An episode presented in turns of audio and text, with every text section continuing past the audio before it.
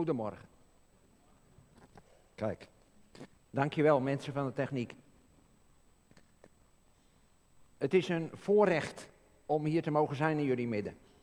Het is alweer een paar jaar geleden dat ik hier was. Om weer hier te mogen zijn, dat, dat is echt heel goed. En ik vind het ook heel mooi dat, dat er kinderen zijn, jongens en meisjes. Jullie hadden geen, er was geen kinderdienst voor jullie en dat jullie toch gekomen zijn. Hoop dat jullie het een beetje kunnen begrijpen. We gaan, vanmorgen gaan we lezen uit Titus. Titus hoofdstuk 2.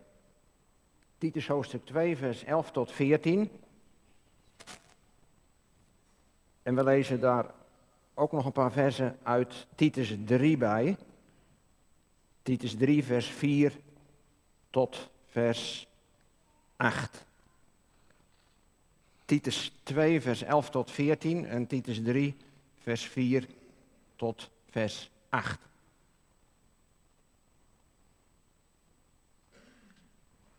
Titus 2, vers 11. Daar lezen we, want de zaligmakende genade van God is verschenen aan alle mensen. En leert ons de goddeloosheid en de wereldse begeerten te verloochenen. En in deze tegenwoordige wereld bezonnen, rechtvaardig en godvruchtig te leven. Terwijl wij verwachten de zalige hoop en verschijning van de heerlijkheid van de grote God en onze zaligmaker Jezus Christus. Hij heeft zichzelf voor ons gegeven, opdat hij ons zou vrijkopen van alle wetteloosheid en voor zichzelf een eigen volk zou reinigen, ijverig in goede werken. En dan hoofdstuk 3 vanaf vers 4. Maar toen de goede tierenheid van God onze zaligmaker en zijn liefde tot de mensen verschenen is, maakte hij ons zalig. Niet op grond van de werken van de rechtvaardigheid die wij gedaan hadden, maar vanwege zijn barmhartigheid. Door het bad van de wedergeboorte en de vernieuwing door de Heilige Geest. Die hij in rijke mate over ons uitgegoten heeft door Jezus Christus, onze zaligmaker. Opdat wij, gerechtvaardigd door zijn genade, erfgenamen zouden worden overeenkomstig de hoop van het eeuwige leven. Dit is een betrouwbaar woord en ik wil dat u deze dingen sterk benadrukt, opdat zij die in God geloven ervoor zorgen dat zij anderen voorgaan in het doen van goede werken. Deze dingen zijn goed en nuttig voor de mensen. Tot zover de lezing van het woord van de Heer. Als thema hebben we vanmorgen, en dat is naar aanleiding van het dertiende vers, van hoofdstuk 2. Daar staat, wij verwachten de zalige hoop en verschijning van de heerlijkheid van de grote God en onze zaligmaker, Jezus Christus. En daarvan afgeleid heb ik als thema de zalige hoop en verwachting bij de jaarwisseling. Jongens en meisjes, jullie hebben kerst gevierd. We hebben allemaal kerst gevierd. Hadden jullie leuke kerstdagen? Ja? Er staat misschien nog wel een kerstboom in huis. Ja. Hier branden de lichtjes nog. Nog een. Morgen is het al oudjaarsdag. Gaat er nog iemand vuurwerk afsteken morgen? Ja. Nou, doe maar voorzichtig. Nou, ik heb het vroeger ook gedaan hoor. En vanmorgen willen we op deze laatste zondag van 2018 nog heel even teruggrijpen op het kerstfeest. Daar gaat het in vers 11 over van hoofdstuk 2 van Titus. De zaligmakende genade van God is verschenen. Maar we kijken ook vooruit. We kijken vooruit als we 2019 bij leven en welzijn in mogen gaan, als de Heer het geeft. Dan vragen we aan elkaar van wat zijn je wensen, wat heb je als, als doelen, wat zijn je goede voornemens, wat is je verwachting. En daar gaat het ook in dit gedeelte over. Wij verwachten de zalige hoop en verschijning van de heerlijkheid van onze grote God en zaligmaker, Jezus Christus. We hebben kerst gevierd. De lampjes branden, de kaarsen misschien. Maar ook, de wereld heeft feest gevierd. Als je in de straten liep, van de, van de, van de, van, in de winkelstraten, dan zag je de kerstbomen staan, je hoorde de kerstmuziek. Dat is eigenlijk het enige feest, denk ik, wat de wereld ook voluit meeviert. Maar als kerst voorbij is, dan gaan de lampjes weer uit. Dan is het feest weer voorbij. Maar met kerst denken we eraan dat het licht van de Heer Jezus is gaan schijnen. Dat zegt vers 11 ook. Verschenen is de zaligmakende genade van God. En dat licht, dat is blijven schijnen. Dat licht gaat niet uit. Verschenen, en dat staat voorop in vers 11 in de grondtekst. Verschenen is de zaligmakende genade van God. En dan moet je denken aan, zoals op een mooie zomerdag de zon opgaat. De zon gaat schijnen. Denk aan wat er in Malachi staat, dat de zon der gerechtigheid zal verschijnen, zal schijnen. Dat gaat er over de Heer Jezus. Zo is Hij gaan schijnen, zijn licht straalt over alle mensen. En dat licht dat blijft schijnen. En als wij door genade de Heer Jezus mogen kennen als onze heiland en verlosser. Dan zegt hij tegen jou, dan zegt hij tegen u, jij bent, u bent het licht van deze wereld. Ook geldt dat voor ons, dat hier, vanuit hier als gemeente ook, dat het licht straalt vanuit de gemeente over in Emmeloord. Vanuit je eigen leven, vanuit je eigen huis, dat we lichtdragers zijn. Hij zei het licht van deze wereld, verstop dat licht niet. Wees geen duikbootchristen. Er zijn zoveel christenen die duikbootchristen zijn. Wat is duikbootchristen? Dat je op de plek waar je woont, waar je plek waar je leeft, dat de buren misschien niet eens weten dat je christen bent. Ja, ze zien wel dat je op zondag weggaat naar de kerk. Of op je werk. Ik hoorde een keer van iemand die, die was plotseling overleden. En toen werd er een kerkdienst gehouden, een afscheidsdienst. En toen zeiden zijn collega's, we hebben nooit gemerkt dat hij christen was. Schaam je niet voor het evangelie van de Heer Jezus Christus. We hebben de brief aan Titus opgeslagen. Het is een kleine brief. De een na kleinste brief van Paulus. En hij schrijft deze brief aan Titus. En wie was Titus? Nou, Titus was een Griek. Hij hoorde bij de kring van de apostelen. En Titus die krijgt de opdracht om de gemeenten die door Paulus op Kreta gesticht zijn, om die te leiden. En dat was hard nodig ook, want daar al heel snel in die jonge gemeente op Kreta waren dwaalleringen binnengekomen. Dwaalleraars. Die een ander evangelie brachten dan het evangelie dat Paulus gebracht had. Oh, daar moeten we altijd buitengewoon alert op zijn, mensen. Om de boodschap die we horen, de boodschap die we lezen, misschien via internet. Er komt zoveel op ons af om altijd te toetsen en te beproeven of de boodschap die we horen, of dat een boodschap is naar het evangelie, of dat een boodschap van God is. Er waren in vers 10 van hoofdstuk 1. Daar staat, want er zijn ook veel opstandigen Mensen die zinloos praten en misleiders. Vooral van hen die van de besnijdenis zijn.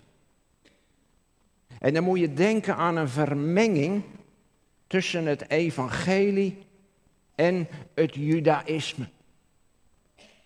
Dat die dwaalleraars die zeiden, het is niet genoeg om alleen maar in de Heer Jezus te geloven. Je moet je ook houden aan alle wetten en alle regels.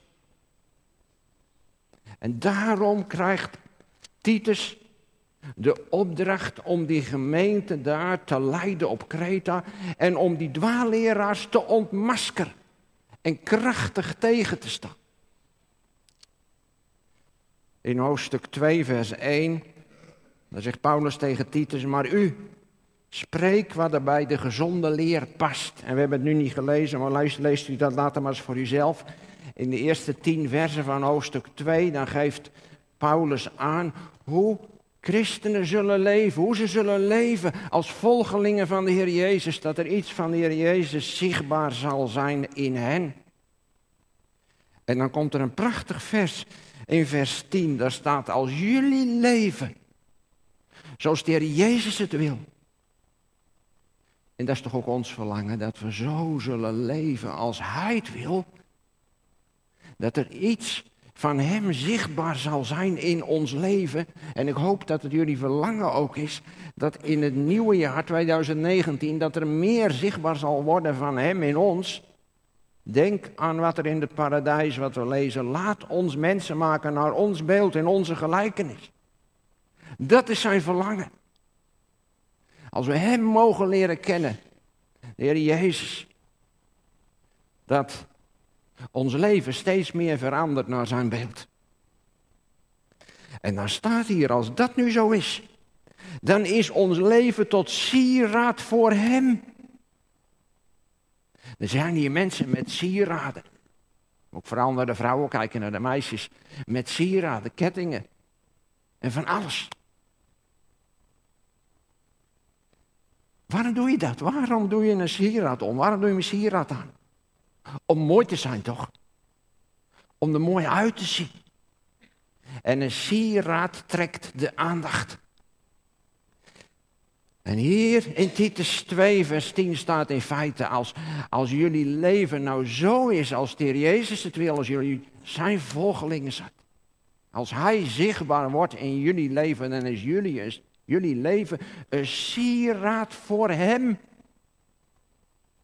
Hoe is je leven zo, door genade? Dat je leven een sieraad is voor Hem, dat mensen misschien iets in jou ontdekken. Dat ze, dat ze zoiets hebben, wat is er met Hem, wat is er met haar?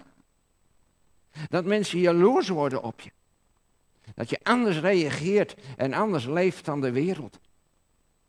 Dat je mensen eigenlijk aantrekt dat mensen zoiets zouden hebben. Ik wil worden zoals hij, ik wil worden zoals hij, tot sieraad voor hem.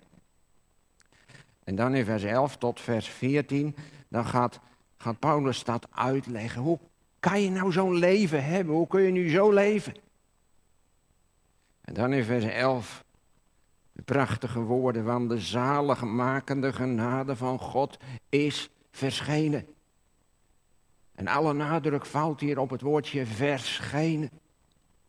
En waarom was dat nou nodig? Ik noemde net al dat God in het paradijs zei: Laat ons mensen maken naar ons beeld en onze gelijkenis. En we lezen daar: God zag wat hij gemaakt had. Hij zag alles wat hij gemaakt had. En zie, het was zeer goed.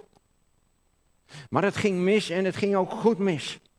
In het paradijs, toen de mensen luisterden naar de verleiding van de slang, naar de verleiding van de Satan en at van de vrucht waarvan God gezegd had, daarvan zul je niet eten, anders zul je de dood sterven. En de mens at. Als u of jij in het paradijs zou zijn geweest, had u misschien niet gegeten. Zou zomaar kunnen. Ik wel. De mens at. En dat is de oorzaak, de oorsprong van al het lijden en van de dood. Alle verschrikking in deze wereld. En de hel zal gejuicht hebben, de Satan zal verheugd zijn geweest. Maar hij juichte te vroeg. Want God is de Almachtige. Hij greep in. Beloofde hij al daar in het paradijs. En hij kwam, de Heer Jezus, de zaligmakende genade van God, is verschenen. Het is genade van Hem. Wat een wonder. Kunnen we ons daar nog over bewonderen? Kunnen we ons er nog over verheugen? Ik denk wel eens, we zijn alles in het christelijke leven, in christelijk geloof zijn we zo gewoon gaan vinden, zo vanzelfsprekend gaan vinden. Maar kun je je erover verwonderen dat Hij gekomen is? Dat Hij zijn leven ook gegeven heeft voor jou als je twijfelt, als je twijfelt aan de liefde van de Heer Jezus. Kijk dan naar het kruis. Dan wordt zijn liefde zichtbaar. Al zo lief had God de wereld dat hij zijn enige geboren zoon gegeven heeft. Opdat ieder die in hem gelooft niet verloren gaat, maar eeuwig leven heeft. En misschien heb je wel, ja, dat kun je allemaal wel zeggen dat u dat denkt. Maar die verwondering, die blijdschap, die dankbaarheid. Dat is zo moeilijk voor me. Er is zoveel in mijn leven gebeurd, misschien het afgelopen jaar wel. Dat een geliefde, misschien wel je geliefde man, je geliefde vrouw, is overleden. Een broer, een zus, een kind, we hebben de namen gehoord. Dat er ziekte in je leven gekomen is. Dat je aan het begin van een nieuw jaar misschien met angst en beven dat nieuwe jaar tegemoet gaat. Hoe zal het gaan? Wat zal er gebeuren? Of andere zorgen, dat je psychische zorg hebt. Dat je, dat je kan zoveel zijn. Dat je niet meer ziet zitten. Financiële problemen misschien. Je wanhopig bent. Dat je misschien verslaafd bent. Kan. Ik las pas weer onderzoeken. Onder christenen. Naar verslaving aan porno. Oh, het is schokkend. Misschien zit er hier vanmorgen wel iemand die zegt. Of die die zegt, je moest eens weten wat er bij mij aan de hand is, wat er in mijn leven speelt. En je weet niet hoe je er los van moet komen, hoe je eruit kan komen. Oh, vanmorgen mogen we de aandacht richten op de Heer Jezus. Hij is machtig. Hij is, voor hem is niets te wonderlijk. Hij kan je redden. Hij kan hoop geven waar bij jou geen hoop is. En wat een wonder dat hij ons ook elkaar gegeven heeft. We staan er niet alleen voor. Als je weet dat mensen in nood zijn in de gemeente, sta om ze heen. Bid voor ze, houd ze vast. Zeg het maar gerust tegen elkaar. Kijk naar de Heer Jezus. En als je er niet uitkomt of je bent wanhopig. Oh, alsjeblieft, vraag hulp aan anderen die je willen helpen, die je kunnen helpen. Zaligmakende genade van God is verschenen. En er staat iets achter aan alle mensen. Een poosje geleden was ik ergens in een gemeente en na afloop kwam iemand uit die gemeente mij achterna hollen. Hij riep, meneer Vergenderen, wacht eens even. Ik wil je iets, iets goeds vertellen, goed nieuws. Ik zeg, vertel, ik luister. En toen noemde hij deze tekst. Hij zegt, alle mensen zullen zalig worden, alle mensen zullen gered worden. Het staat hier, de zaligmakende genade van God is verschenen en alle mensen, je hoeft het alleen nog maar te vertellen. Maar dat is niet de betekenis van deze tekst, beste mensen. De betekenis van deze tekst is dat de heilbrengende, de zaligmakende genade van God is verschenen aan alle mensen, wordt aangeboden aan iedereen. Iedereen kan zalig worden, iedereen kan gered worden. Tegelijk geldt er is één naam onder de hemel gegeven waardoor we behouden moeten worden, de naam van de Heer Jezus Christus.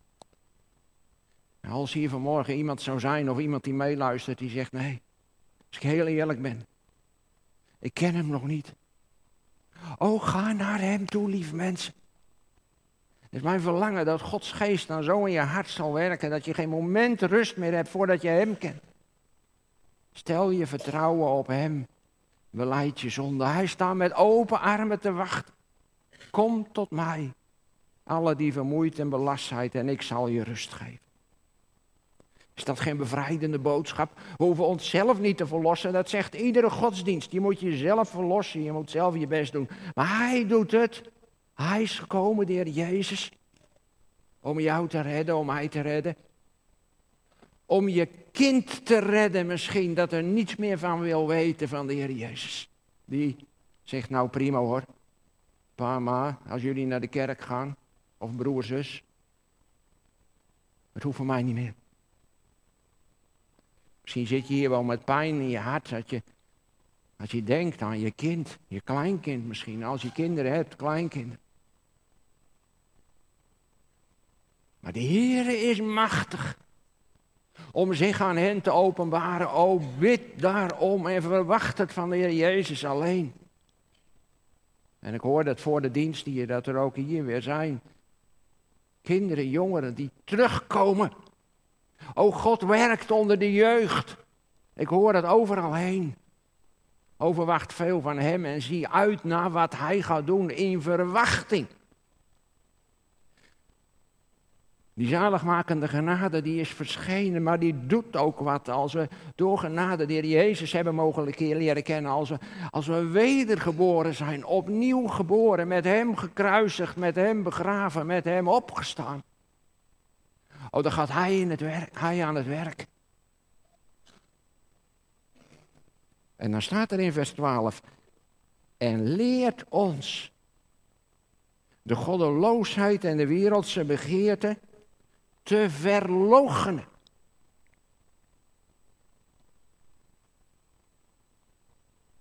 Je leest in de Bijbel de oproep om heilig en rein te leven.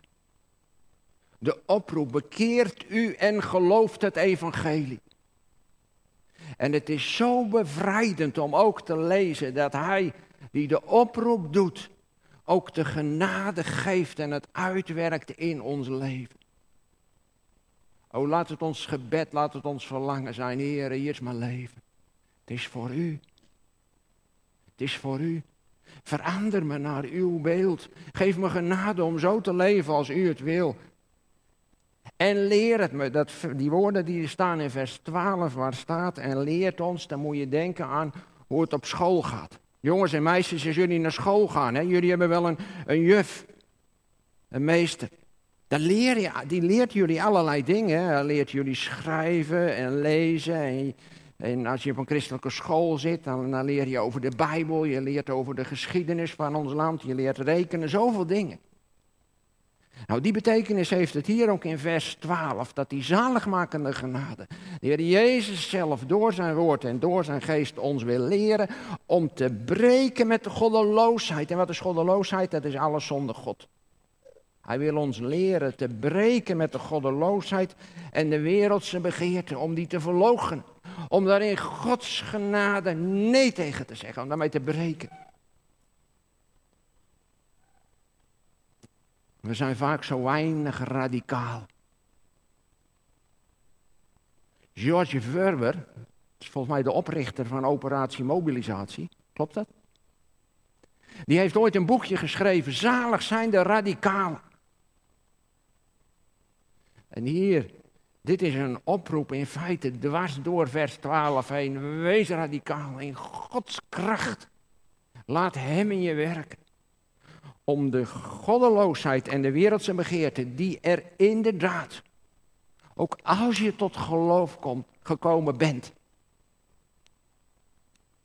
kun je soms nog, soms nog zo getrokken worden en verleid tot, tot zonde om dat te verlogen om in deze tegenwoordige wereld, en dat wordt mij bedoeld, deze tegenwoordige zondige wereld, bezonnen, rechtvaardig en godvruchtig te leven, bezonnen, dat je je grenzen kent. Rechtvaardig, dat betekent rechtvaardig naar God toe in de verhouding tussen jou en God, dat het goed is en godvruchtig. Dat je leven vrucht draagt. Nou, rechtvaardig de verhouding tot God, maar ook de verhouding tot elkaar. Het kan zijn dat hier vanmorgen mensen zijn die zeggen, als ik heel eerlijk ben, mijn verhouding naar andere mensen toe, misschien mensen in de gemeente, maar het kan ook zijn familieleden, kennissen. Dat er iets in die verhouding kapot gegaan is. Dat je misschien bepaalde familieleden niet meer ziet of niet meer kunt uitstaan. Zoveel ruzies, er is zoveel verdeeldheid, ook in kerken en gemeenten. En hier, in dit twaalfde vers, staat dat die zaligmakende genade ons wil leren om rechtvaardig te leven ook. En ik hoop en ik bid dat de Heer misschien wel vanmorgen, door zijn geest en door dit woord, in je, als er sprake is in je leven dat er verhoudingen verstoord zijn, misschien op je werk, in de familie, in je gezin, in je huwelijk. Dat je niet meer zomaar rustig doorleeft, maar dat er een, een soort heilige onrust komt. Dat je weet, ik moet het in orde maken, ik kan zo niet verder leven. Als je verder leeft terwijl de dingen niet in orde zijn, dan verhindert dat Gods werk in je leven. Dan weet, sta je ook daarmee de Heilige Geest. En misschien op deze laatste zondag wil, van dit jaar wil de Heer je duidelijk maken, voordat het nieuwe jaar begint, moet je dingen in orde maken. Moet je op je knieën gaan. Moet je, hoe moeilijk het misschien ook is, contact opnemen met die ander. Om sorry te zeggen. Om te zeggen, zo kan het niet verder. Oh, ik bid dat Hij je genade geeft. En nogmaals, als je dat zelf niet durft of aan kunt, vraag hulp aan anderen, misschien wel uit de gemeente. En godvruchtig, dat je leven vrucht draagt voor God. dat is zijn verlangen. Dat ons leven tot zijn Heer zal zijn. Tot zegen van anderen. Vrucht voor Hem. Terwijl, vers 13, wij verwachten de zalige hoop en verschijning van de heerlijkheid van onze grote God en zaligmaker Jezus Christus. Terwijl wij verwachten, weet je wat daar in de grondtekst staat? Terwijl wij intens verwachten, met intense verwachting, dat je uitziet naar zijn komst, dat hij zal komen om ons tot zich te nemen. En in deze wereld, hier in het Westen, waar we het zo goed hebben. Ik denk wel eens, misschien hebben we het wel te goed. Ik vroeg een keer aan een, aan een predikant uit India die ik sprak. Die, die vroeg ik van, hoe kijk je nou hier naar de christenen in het Westen? Hij zegt, hij leefde in grote armoede en had te maken met vervolging. Hij zegt, wij kunnen geen dag zonder de Heer Jezus. We zijn in alles van Hem afhankelijk, maar jullie hebben het zo goed hier. Als jullie je koelkast opentrekken, dan staat er bij de meeste mensen staat er van alles in. Hij zegt, wij moeten op onze knieën om de Heer te vragen, om elke dag te voorzien. Verwachten de zalige hoop hoop, als we het woord hoop gebruiken, dan heb je vaak zoiets van, nou ik weet het niet zeker. Ik hoop dat het morgen mooi weer is, maar of het ook echt zal gebeuren.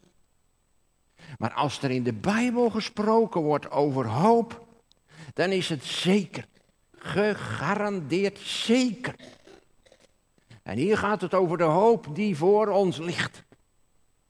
De zalige hoop dat je weet, ik ben van de Heer Jezus, ik hoor bij Hem. Hij heeft zijn leven voor mij gegeven aan het kruis. Ik heb deel aan alles van Hem.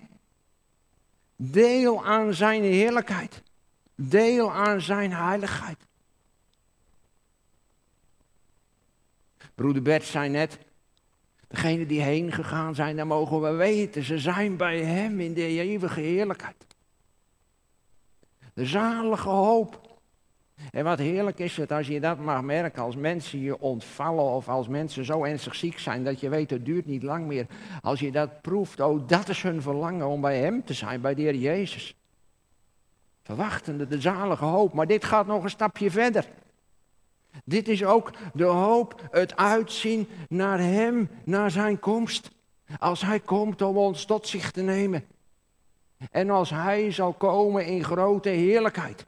Colossense 4 zegt hij als, hij, zegt als hij komt in heerlijkheid. Dan zullen wij delen in zijn heerlijkheid. Oh, ons wacht een geweldige toekomst, lieve mensen. Er staat zelfs in 1 Johannes 3 dat als hij komt, wij, en ik kan het bijna niet geloven, maar er staat we zullen zijn zoals hij is. En nogmaals die vraag, verwonder je daar nog over? Over die genade die Hij geschonken heeft. De verschijning van de heerlijkheid van onze grote God. Ja, God is groot. Hoe beseffen we dat nog, dat Hij groot is, dat Hij machtig is. Toen de engel aan Maria verscheen en Maria vroeg, hoe is het mogelijk? Toen antwoordde Gabriel, toen hij zei, de Heilige Geest zal over u komen. U zult een kind ontvangen, u zult zwanger worden. Toen zei Gabriel, zou voor de Heer iets te wonderlijk zijn? Nee toch?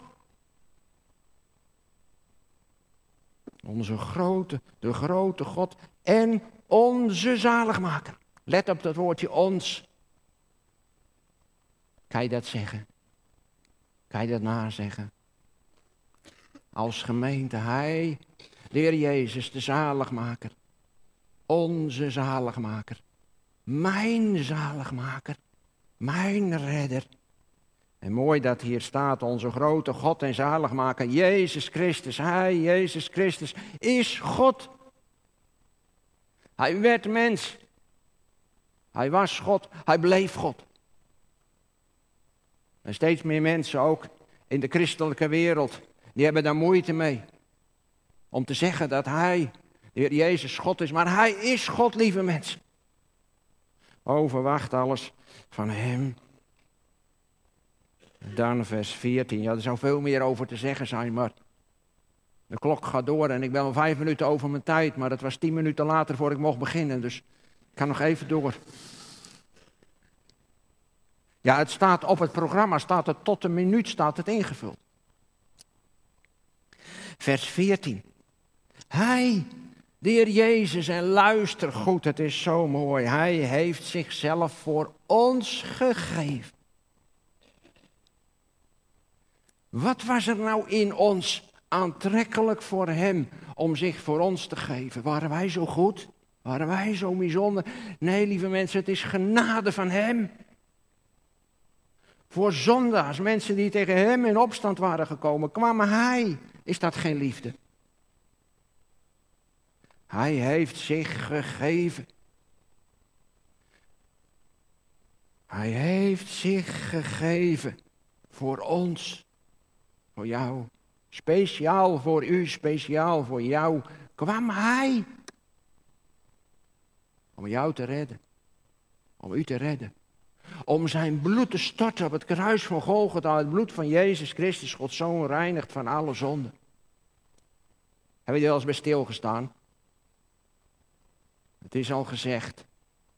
Genesis 3. De zondeval. Weet u wat een van de oordelen, de straffen, de vloek was? Dat er dorens en distels zouden groeien op deze aarde. Die waren er voor die tijd niet. Ook de schepping zuchten is in barensnood door onze zonde. Dat de Heer Jezus een kroon van doornen op het hoofd gedrukt kreeg. Is dat geen liefde? En het bloed druppelde naar beneden. Het bloed ook van het kruis. Het bloed van hem reinigt. Van alle zonden. Wat een wonder, wat een genade. Hij staat er, heeft zich voor ons gegeven. Opdat hij ons zou vrijkopen. De losprijs zou betalen. Hij gaf zijn leven. Hij, de volstrekt zondeloze, de volstrekt volmaakte. Een offer was nodig. Hij, het offer, hij gaf zijn leven. Als een lam werd hij ter slachting geleid. Opdat hij ons zou vrijkopen van alle wetteloosheid. Hij gaf zijn leven. Om jou te redden. De vloek die wij hadden verdiend was op hem.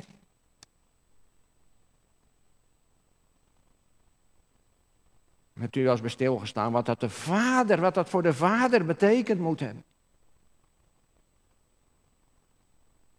De hemel hield haar licht in, het werd drie uur duister. Mijn God, mijn God. Jezus zei niet, vader, vader, mijn God, mijn God, waarom hebt u mij verlaten? Speciaal voor jou. En toen klonk het vanaf het kruis, het is volbracht. Op dat staat er, hij ons zou vrijkopen van alle wetteloosheid en voor zichzelf een eigen volk zou reinigen. Ja. En hier staat in de grondtekst, en dat is zo mooi voor mensen die misschien denken van wat heb ik nou voor waarde? Is mijn leven wel, heeft mijn leven wel zin? Waarom ben ik hier eigenlijk op het, in dit leven? Ik heb eens iemand gesproken. Die had een abortus gepleegd. En die had, die sprak het uit. Wat heeft mijn leven nog voor waarde? Ik heb er zo spijt van. Maar ze mochten de Heer Jezus leren kennen. Ze mochten tot geloof komen in Hem. En ik weet het nog precies waar het was. Het was een Amerikaanse militair, een vrouwelijke militair. Op een, vlieg, op een, op een legerbasis, ergens in Duitsland.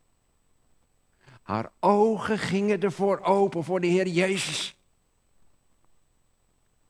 En dan staat hier in het vers dat hij zich een eigen volk zou reinigen. En daar staan in de grondtekst zit de gedachte in dat, dat dat eigen volk van hem, wat hij bijeen vergadert in deze wereld, dat dat kostbaar en dierbaar is in zijn oog.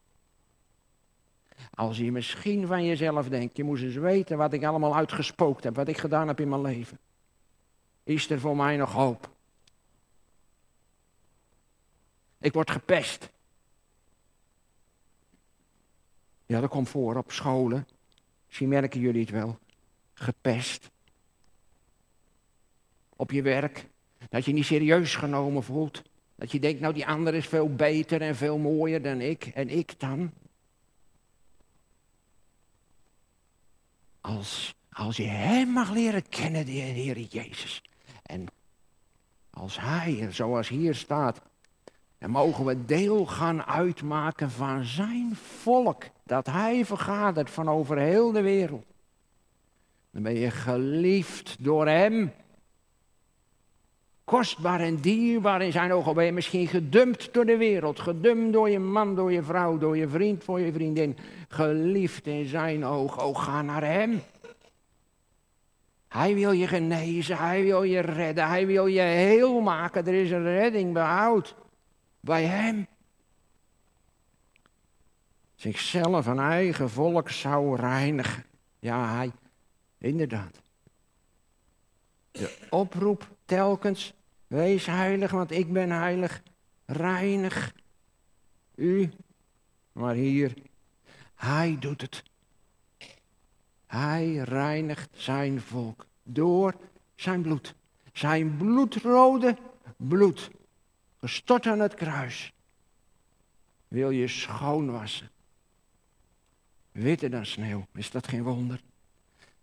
Ijverig in goede werken. Ja, dat is zijn verlangen, dat je leven, je leven vruchtbaar zal zijn. Voor hem zegen zal dragen. En allereerst, het allerbelangrijkste, lieve mensen, ga nou niet hard aan de gang of aan de slag om dit te doen, om dat te doen, om dat te doen voor de Heer. Maar het allereerst, verheug je in de Heer Jezus. Leef met Hem. Wandel met hem. We zongen dat kinderlied. God, iets, iets dergelijks, God spreekt tot je, tot ons door de wind of zoiets stond er in dat lied. Als ik me goed herinner. Zo was het in het paradijs. God wandelde daar. En zo, misschien in de, in de gedaante van de Heer Jezus was hij daar ook wel aanwezig. Maar leef met hem, wandel met hem. En laat het je verlangen zijn. Heer, hier is mijn leven. Gebruik me, gebruik me. En dan kan hij de ene hier gebruiken. Misschien gewoon op je plekje thuis. Of op je werk. De een misschien de straat op of de zending in om het evangelie door te geven. Een ander thuis op de knieën, want bidders hebben we nodig. Om ons voor de Heer te verootmoedigen. Oh ja, dat is ook nodig. Om ons te verootmoedigen. Heer, wees ons genadig, ontferm u zich. Ook wij hebben gezondigd. En ik zie hier nogal wat jonge lui zitten. Weet je, de Heer Jezus is op zoek naar jonge mensen die hij in kan zetten in zijn dienst. Om je te gebruiken. Oh, ik hoop dat jullie, hoe jong je ook bent, dat je de Heer Jezus, dat je al van de Heer Jezus mag houden. En dat het moment komt in je leven dat je zegt, Heer, hier is mijn leven. Gebruik me. Gebruik me. En dan wordt het leven met Hem een avontuur. Dan mogen we met Hem leven, met Hem wandelen. Ons verheugen in Hem, ons verwonderen in Hem. En uitzien naar die dag dat Hij komt.